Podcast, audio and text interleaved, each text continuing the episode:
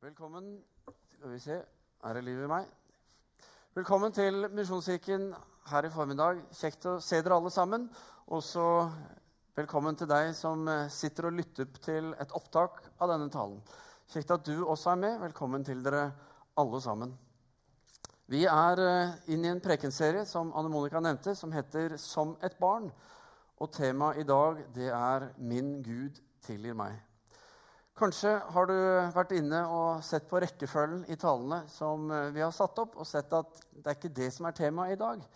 Og det handler om sykdom. Egentlig skulle Thomas Aas Pedersen stått her i formiddag og talt eh, over temaet 'Min Gud er alltid hos meg'. Eh, men det kan han ikke av den eh, grunn at han er blitt syk og er eh, lagt inn på sykehuset. Så eh, han er hjemme nå i helgen i permisjon fordi de så at ting var gått bedre. Eh, den betennelse som han har fått i bukspyttkjertelen. Eh, de så det var bedre, og de regnet med å skrive han ut nå på mandag. Men fikk jeg beskjed nå på morgenen at han har fått feber og har blitt, uh, måttet avbryte permisjonen. Så jeg tenkte vi kunne ta litt tid nå bare be for han. At alt skal gå bra, at han skal bli frisk, at vi skal få han snart tilbake iblant oss. Kjære himmelske Far, takk for at du er nær oss, Thomas, i denne stunden. Takk for at du vet hvordan han har det. Og takk, Herre, for at du er ved hans side. Herre, vi ber at uh, du skal uh, berge han gjennom dette. At uh, du skal gi leger og sykepleiere den visdom de trenger. Og ikke minst, Herre, ber vi om at du skal legge din helbredende, allmektige hånd på han, Herre, slik at han kan bli helt frisk. Herre, takk for at du ber oss om å be om det. Og takk for at vi kan få lov til å både be deg om det og tro at du vil gjøre det underet i Thomas sitt liv. Velsign han, Herre. Det er vår bønn i Jesu navn. Så har jeg bare lyst til å oppmuntre å ta med Thomas i bønnene videre. Og husk på han. Husk også på Inger, som også er sykemeldt for tiden, men som også da heldigvis går bedre med.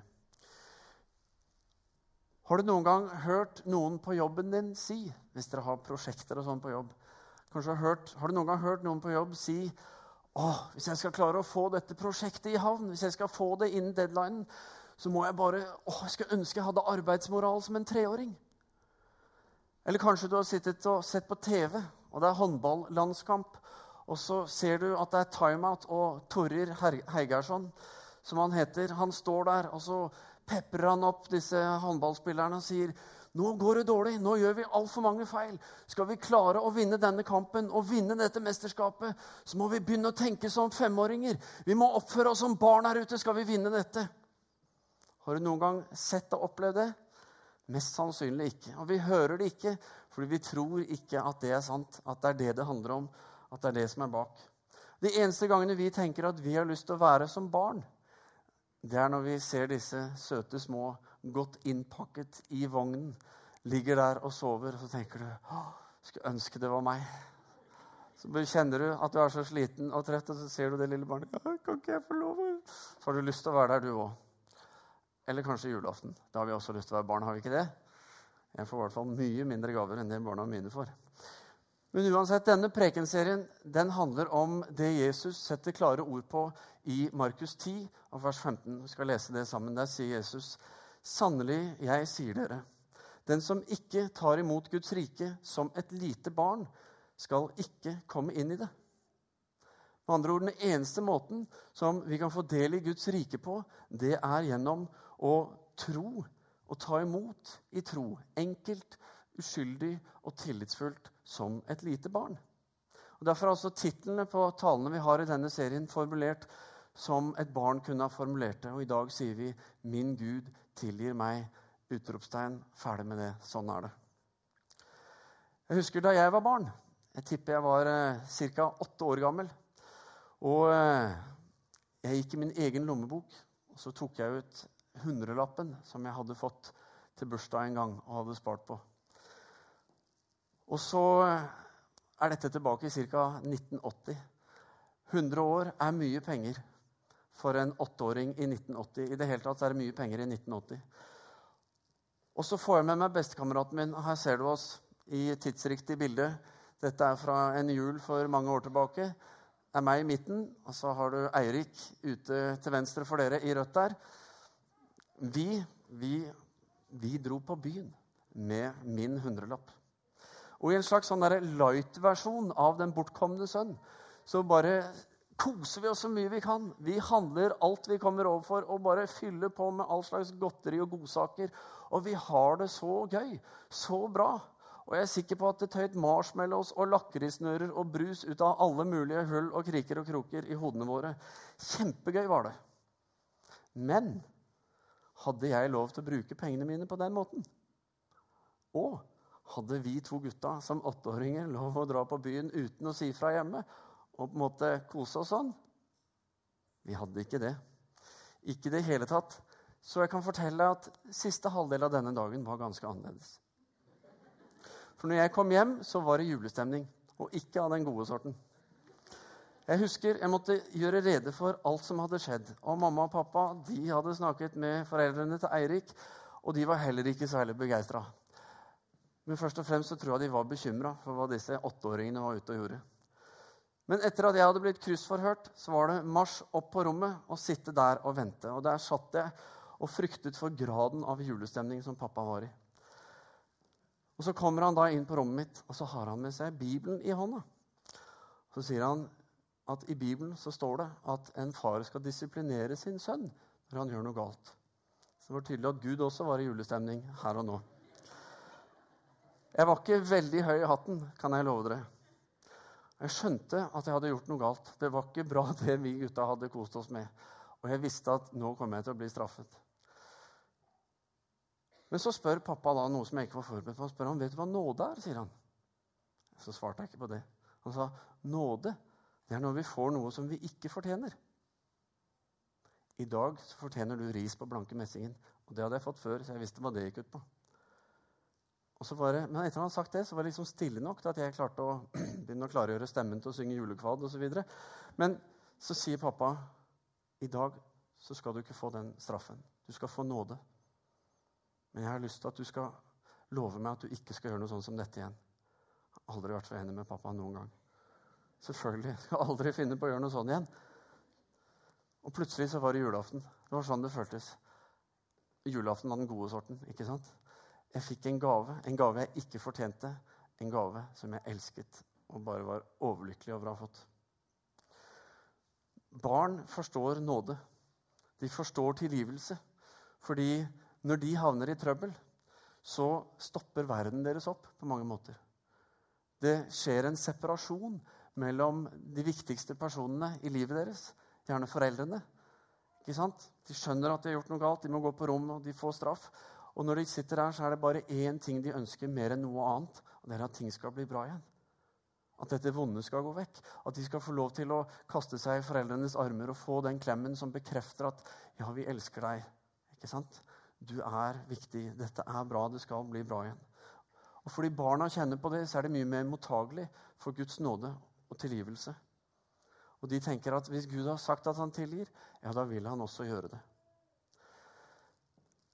Jeg husker fetteren min Bendik når han var kanskje fem år gammel. Eh, jeg hadde forhåpentligvis rukket å bli seks. Jeg var ca. et halvt år eldre enn han. Så jeg var litt større. Men jeg husker vi var hjemme hos han i Oslo, i Maridalen, og holdt på på utsida, og så banner han. Og det visste jo jeg, pastorsønn, ikke sant? Snill gutt. Jeg visste jo at det var galt. Så jeg sa sånn kan du ikke si. Det er galt. Og Bendik nei, det er ikke noe problem. Jeg bare ber til Gud om tilgivelse. Jeg sa alt i orden igjen, sa han. Barn stiller ikke de spørsmålene som vi voksne gjør. Barn sier 'Min Gud tilgir meg', og ferdig med det. I 1. Johannes brev så sier Johannes men dersom vi bekjenner våre synder, er Han trofast og rettferdig, så Han tilgir oss syndene og renser oss for all urett. Å bekjenne sin synd det handler om å erkjenne at vi har handlet galt, at vi har trosset Gud, gått imot Hans ord og Hans vilje. Jeg har mange ganger sagt at Adam og Eva, når de var i Edens hage, og når de valgte å lytte til slangen, og dermed trosset Guds gode vilje og håper å si, forordning, så sa de seg enig med slangen. De på en måte stemte på slangen der og da. De ga han valgselden sin og sa sånn som du sier det, sånn gjør vi det. Men når vi bekjenner vår synd, så er det Gud vi kommer til med stemmen vår, med valgseddelen vår. Så sier vi, 'Gud, jeg trenger deg. Jeg trenger at det du sier, skal gjelde i mitt liv her og nå. Og når vi gjør det, når vi kommer til Gud og bekjenner vår synd, så sier han at han både kan og han vil tilgi oss. Og Det første Gud gjør, det er å fjerne vår synd. I Salme 103, vers 12, så sier David.: Så langt som øst er fra vest, tar han syndene våre bort fra oss. Men ikke nok med at han tar syndene våre bort fra oss, men han glemmer de. I Jesaja 43, vers 25, så sier Gud gjennom Jesaja Han sier, 'Jeg, jeg er den som utsletter dine lovbrudd. For min skyld og dine synder minnes jeg ikke.' Gud den allmektige, Gud den allvitende, Gud den allestedsnærværende, han velger selv etter sin frie, gode vilje å glemme og slette fullt og helt vår synd når vi kommer til Han og bekjenner den. Helt ulikt hvordan vi mennesker er oss imellom. Vi har ikke så lett for å glemme. Vi har lettere for å holde på, enten det er vår egen eller noe andre har gjort mot oss. Bare for å fortsette min vandelsattest. Da jeg var 14, dette har noen hørt før, så eh, ble jeg stoppet av politiet. For da var jeg ute og kjørte en bil som jeg da selvfølgelig ikke skulle kjøre, og en bil som ikke var min. Eh, jeg hadde ikke stjålet den, jeg har tjuvlånt den. Vi satte den alltid tilbake på plass. Og fordi hun som eide den, skjønte hvem det var og så tegninga, så trakk hun anmeldelsen. Og Det gjorde at jeg fikk en såkalt påtaleunnlatelse. Og det handlet om at hvis jeg oppførte meg, var snill gutt, og var veldig enig med pappa ikke sant, i de neste to årene, så eh, var alt greit. Men hvis jeg gjorde noe galt igjen i løpet av de neste to årene, så fikk jeg både den og denne eh, bilsaken mot meg. Så Gud glemmer, selv om vi ikke alltid klarer å gjøre det i våre menneskelige relasjoner. For veldig ofte når vi bekjenner vår synd, så kommer vi til Gud, og så eh, bekjenner vi. Og så når vi går fra Gud igjen, så går vi litt sånn skamfulle og føler oss dårlige. For vi klarer ikke helt å tilgi oss selv. Og samtidig med at vi gjør dette, og kjenner på dette, så sitter Gud i himmelen, som vi leste. Ikke sant? Så sitter han der, og så ser han Jeg lurer på hvorfor Frode føler seg så dårlig og lei og trist nå. Jeg kan ikke se at det er noe galt han har gjort som skulle tilsi at han kjenner det sånn. Nei. Kanskje det er noe han ikke har tilgitt seg selv. Jeg husker ikke hva det er, men jeg håper at han kan tilgi seg selv. Vi utfordres i at vi ikke helt våger å tro våger å ta imot sannheten om at Gud tilgir, at han tar bort vår synd, og at han glemmer den. Vi bærer den videre. Barn derimot har lettere for å ta imot, for å tro, for å glede seg over at de er blitt tilgitt. For å få lov til å erfare dermed også den gleden og den freden som tilgivelsen gir. Den kraften som tilgivelsen har over livene våre. Og Derfor tror jeg, og jeg tror det er sånn fordi barn har ikke nei, utviklet den evnen som vi voksne har, men at vi ofte er kritiske og fordømmende i møte med oss selv og med hverandre. Og vi, alle går vi rundt og bærer på fordømmelse. Det vet vi når vi er ærlige med oss selv. Og Derfor ender vi selv opp under loven, vår egen lov og andres lov, for vi klarer ikke å strekke til. Og Derfor synes vi også det er vanskelig å leve i kraft av den nåden. For vi fordømmer oss selv når vi ikke klarer å leve riktig. når vi ikke får det til. Én ting er de opplagte feilene som vi gjør. Men en annen ting er når vi ikke klarer å gjøre det vi føler vi burde. F.eks. å lese Bibelen hver dag og be hver dag, helst morgen og kveld. ikke sant? Gå på alle møtene som er, og rekke hendene i været, for det ser riktig ut, og knele ned når vi ber, for det ser riktig ut, osv. At vi ikke eh, våger å be for de som er syke. At vi ikke tror at de kan bli friske, og at vi måtte, hele tiden holder noe mot oss selv i møte med alt dette som Gud gjør.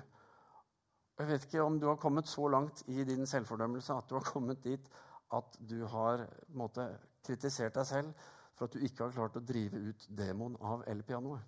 Det kan være en tung og vanskelig plass å være, og svært få har opplevd det. Og deg som har et elpiano, du skjønte den. Det var en liten tøysete morsomhet inni der. Men Poenget er at vi har mange skulder og mange byrder som vi går og bærer på, og som vi holder mot oss selv. Og så ender vi opp ikke sant, der hvor vi ikke klarer å løse det mer. Vi ender opp i møte med oss selv og eh, vår egen lov. Vi fordømmer oss selv. Vi klarer ikke å få dette til å gå rundt.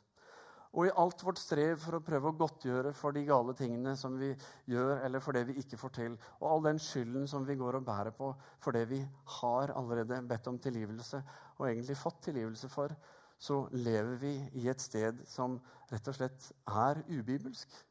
Og Jeg sier ikke det for å fordømme, men bare for å gjøre deg oppmerksom på at det er ikke dette Gud har for oss. Det er ikke sånn han har tenkt at det skal være. Som vi leste. Dersom vi bekjenner, så tilgir Gud. Og som du forhåpentligvis har hørt, så eh, døde Jesus for dine synder. Han tok på seg all din straff, all din skyld, all din skam. Og derfor er og burde Guds tilgivelse være mer enn godt nok. Og den er det. Men det det står på, er om vi våger å tro at dette er sant. At vi våger å ta det imot som barn og akseptere at selv det livet jeg lever, selv det jeg ikke strekker til med og får til, det velger han å tilgi meg, og det ønsker han at jeg skal være fri fra. Jeg mener, Hvorfor skal vi gå rundt og bære på det han allerede har båret på korset? Når vi tenker på det, så er det jo ganske unødvendig. Og Da blir spørsmålet hvordan kan vi eh, leve i dette i praksis? Altså, Hva skal vi gjøre for å oppleve Guds nåde? Vel, vi må fortelle oss selv om Guds nåde. Og eh, en, heter, en, pastor som heter Chris Beale, han har en definisjon på hva det vil si å leve under Guds nåde. som jeg vil at Du må gjerne skrive den ned eller memorere den. Men i hvert fall ta den med deg. Og Han sier at det er den livsforvandlende og konstante bevisstheten om hva jeg har fått, i lys av hva jeg fortjener. Hver dag, hver time, hvert øyeblikk. Vi er nødt til å fortelle oss det selv. Den livsforvandlende og konstante bevisstheten om hva jeg har fått, i lys av hva jeg fortjener. Og vi trenger det hver dag, hvert minutt, hvert sekund. Jeg fortjener det ikke, men min Gud tilgir meg. Paulus skriver i Romerbrevet kapittel 3, så sier han dette er Guds rettferdighet som gis ved troen på Jesus Kristus til alle som tror. Her er det ingen forskjell, for alle har syndet og mangler Guds herlighet. Men ufortjent og av Hans nåde blir de kjent rettferdige frikjøpt i Kristus Jesus. Det er ufortjent, og det er nødt til å være det. Fordi selv så kan vi ikke klare å løse dette. Det er bare Gud som kan tilgi oss fullt og helt. Det vi derfor trenger, er denne livsforvandlende og konstante, dag etter dag, bevisstheten om at Gud har gitt oss noe som vi ikke fortjener, men at vi skal få lov til å leve i det, og at det er det som er sannheten over vårt liv når vi bekjenner. Gordon Johnsen, tidligere overlege ved Modum Bad, han sa noe veldig klokt. Han sa det vi får bevisstgjort, det kan vi gjøre noe med. Det vi ikke får bevisstgjort, det vil nesten alltid gjøre noe med oss. Så det å bli bevisst på nådens fulle og hele sannhet, så langt det lar seg gjøre for oss mennesker, det er noe av det viktigste. Ikke noe av, men det er det viktigste vi gjør i livet vårt. Fordi nærmere Guds hjerte kan vi ikke komme. Og vi trenger å erfare det. Og Derfor er nåde en verdi her i Misjonskirken. Hvor vi sier at vi vil være mennesker som tar imot, som lever i, og som formidler Guds nåde. Og Vi sier ikke dette fordi vi har klart det, men vi sier at dette vil vi strekke oss etter. Dette vil vi være fordi vi ser at dette er så viktig. Et barn klarer veldig ofte å ta imot noe som han ikke har fortjent. Vi voksne vi sliter mer enn på det. Vi sitter alltid og føler på et eller annet. Jeg syns det er vanskelig å si takk når folk gi meg et kompliment.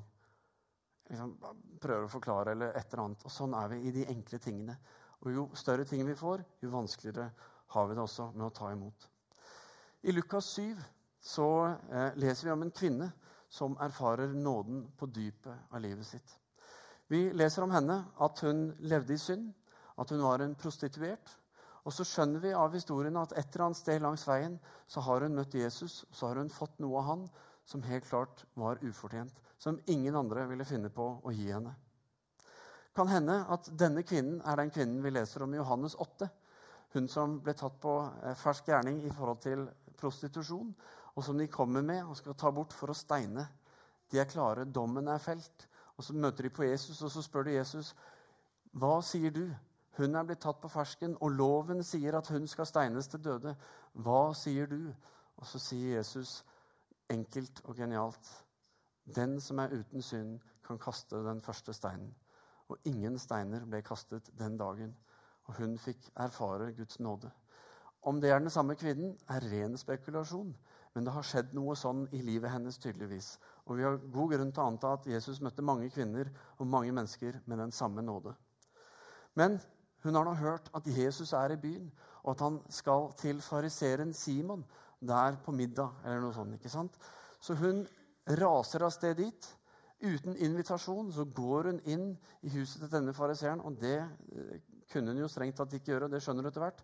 Men vi ser at hun løper bort til Jesus, og så faller hun på kne ved Jesu føtter. Og Vi leser at hun gråter, med sine, og med sine egne tårer så begynner hun å vaske føttene til Jesus. Og med sitt eget hår så begynner hun å tørke disse føttene hans som hun har vasket. Og så tar hun fram en alabastkrukke med fin salve. Og så salver hun føttene til Jesus. Simon han ser dette som skjer, og så blir han fylt med avsky. Fordi Jesus tillot en uren og syndfull kvinne å ta på seg. Og det loven lærte, det var at når det skjedde, da ble den som ble tatt på, også uren. Simon han var fariseer. Han kunne loven til punkt og prikke, og han fulgte den til punkt og prikke. Og fordi han eh, gjorde det, så avviste han også det som jeg tror han kanskje var grunnen til at han inviterte Jesus. Han trodde kanskje at nå, La meg nå finne ut om dette er en mann som er fra Gud. Men så skjer dette, og så leser vi at han avviser muligheten for at, dette, at Jesus var fra Gud. Fordi Hvis han var det, så ville han skjønt hva slags kvinne dette var. og Han ville aldri tillate henne å komme bort og ta på ham. Han ville vist henne vekk. Mennesket, Simon, visste hva denne kvinnen fortjente. Gud, i sin sønn Jesus Kristus hadde allerede gitt henne det hun ikke fortjente. Hun hadde fått nåde og tilgivelse. Og Poenget er når vi blir bevisst hva vi har fått, i lys av hva vi fortjener, ja, da kan det skje noe livsforvandlende i oss. Og Det første som skjer, det er at det skjer en endring i forhold til hva vi verdsetter, hva som er viktig for oss i livet. De tingene som vi har lyst på, de tingene som vi synes er viktige, ja, de tingene som vi til og med eh, kan måte, arrestere oss selv i å nærmest tilbe fordi de er så viktige for oss, de tingene viker når Guds nåde får trenge inn i hjertene våre. Vi får nye ting å verdsette. Og Vi ser Jesus hva han sier til Simon der hjemme. Fra vers 44 så sier han, 'Simon, ser du denne kvinnen?' 'Jeg kom inn i ditt hus. Du ga meg ikke vann til føttene mine.' 'Men hun fuktet dem med tårer og tørket dem med håret sitt.' 'Du ga meg ikke noe velkomstkyss.' Men helt fra jeg kom, har hun ikke holdt opp med å kysse føttene mine. Du salvet ikke hodet mitt med olje, men hun smurte føttene mine med den fineste salve. Derfor sier jeg deg, hennes mange synder er tilgitt. Derfor har hun vist så stor kjærlighet. Men den som er tilgitt lite, elsker lite. Denne kvinnen hun kom ikke for å be om tilgivelse. Hun kom for å uttrykke sin takk sin begeistring og glede over å ha blitt tilgitt.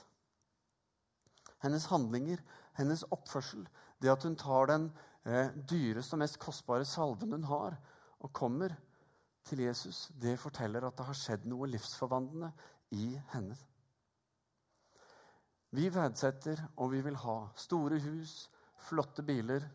Eh, vi vil gjerne øke vår innflytelse og makt på jobben eller blant venner osv. Vi verdsetter andre menneskers anerkjennelse så langt at vi har gjort oss avhengig av den for å i det hele tatt kunne kjenne på egenverdi.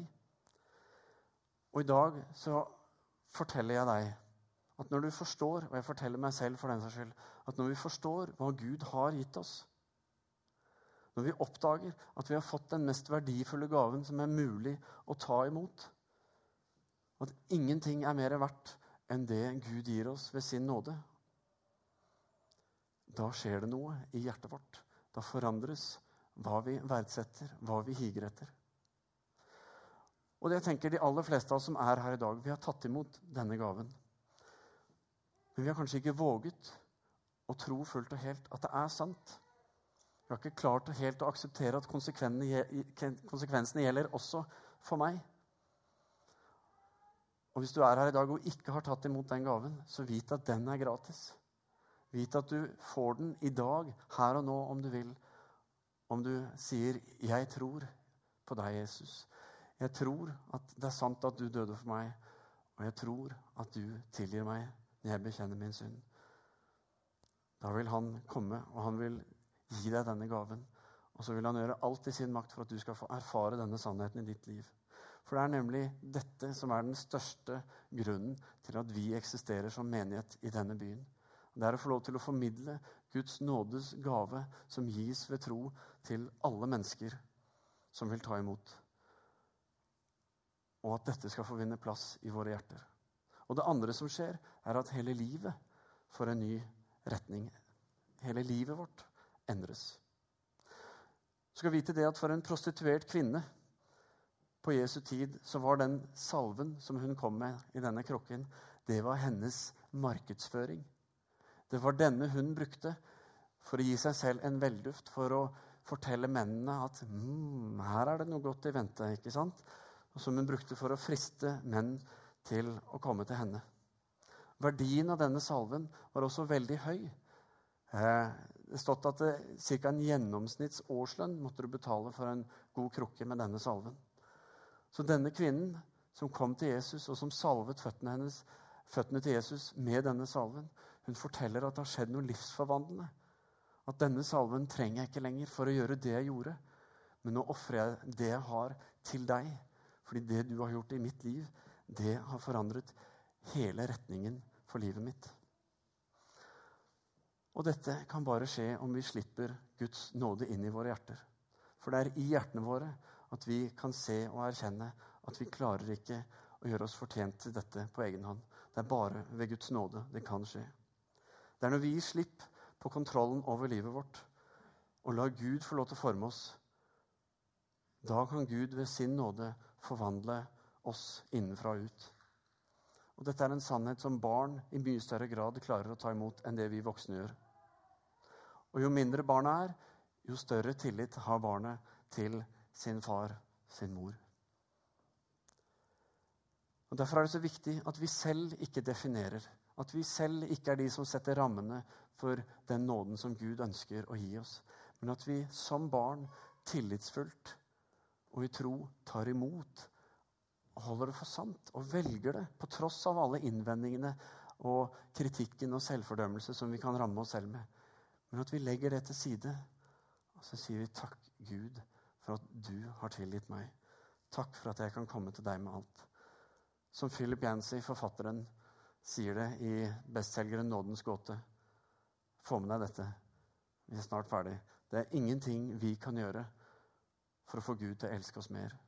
Det er ingenting vi kan gjøre for å få Gud til å elske oss noe mindre.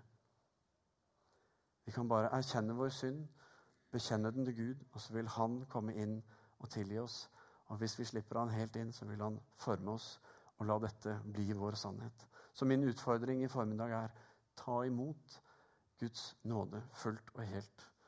Ta imot hans tilgivelse, for du er verdt det. Og det viste han for lenge siden da han døde på korset. Og han døde for deg. Utfordre deg selv til å ta imot dette i den barnlige, tillitsfulle enkelheten som bare et barn kan. Min Gud, han tilgir meg skal vi be. Kjære himmelske Far. Takk, Herre, for at eh, det er du som kommer til oss. Herre, det er du som eh, gjør alt i din makt for at vi skal få lov til å erfare din nåde, din tilgivelse. Takk, Herre, for at eh, vi kan elske deg fordi du elsket oss først. Og Herre, takk for at du sier at du vil tilgi, du vil fjerne, og du vil glemme.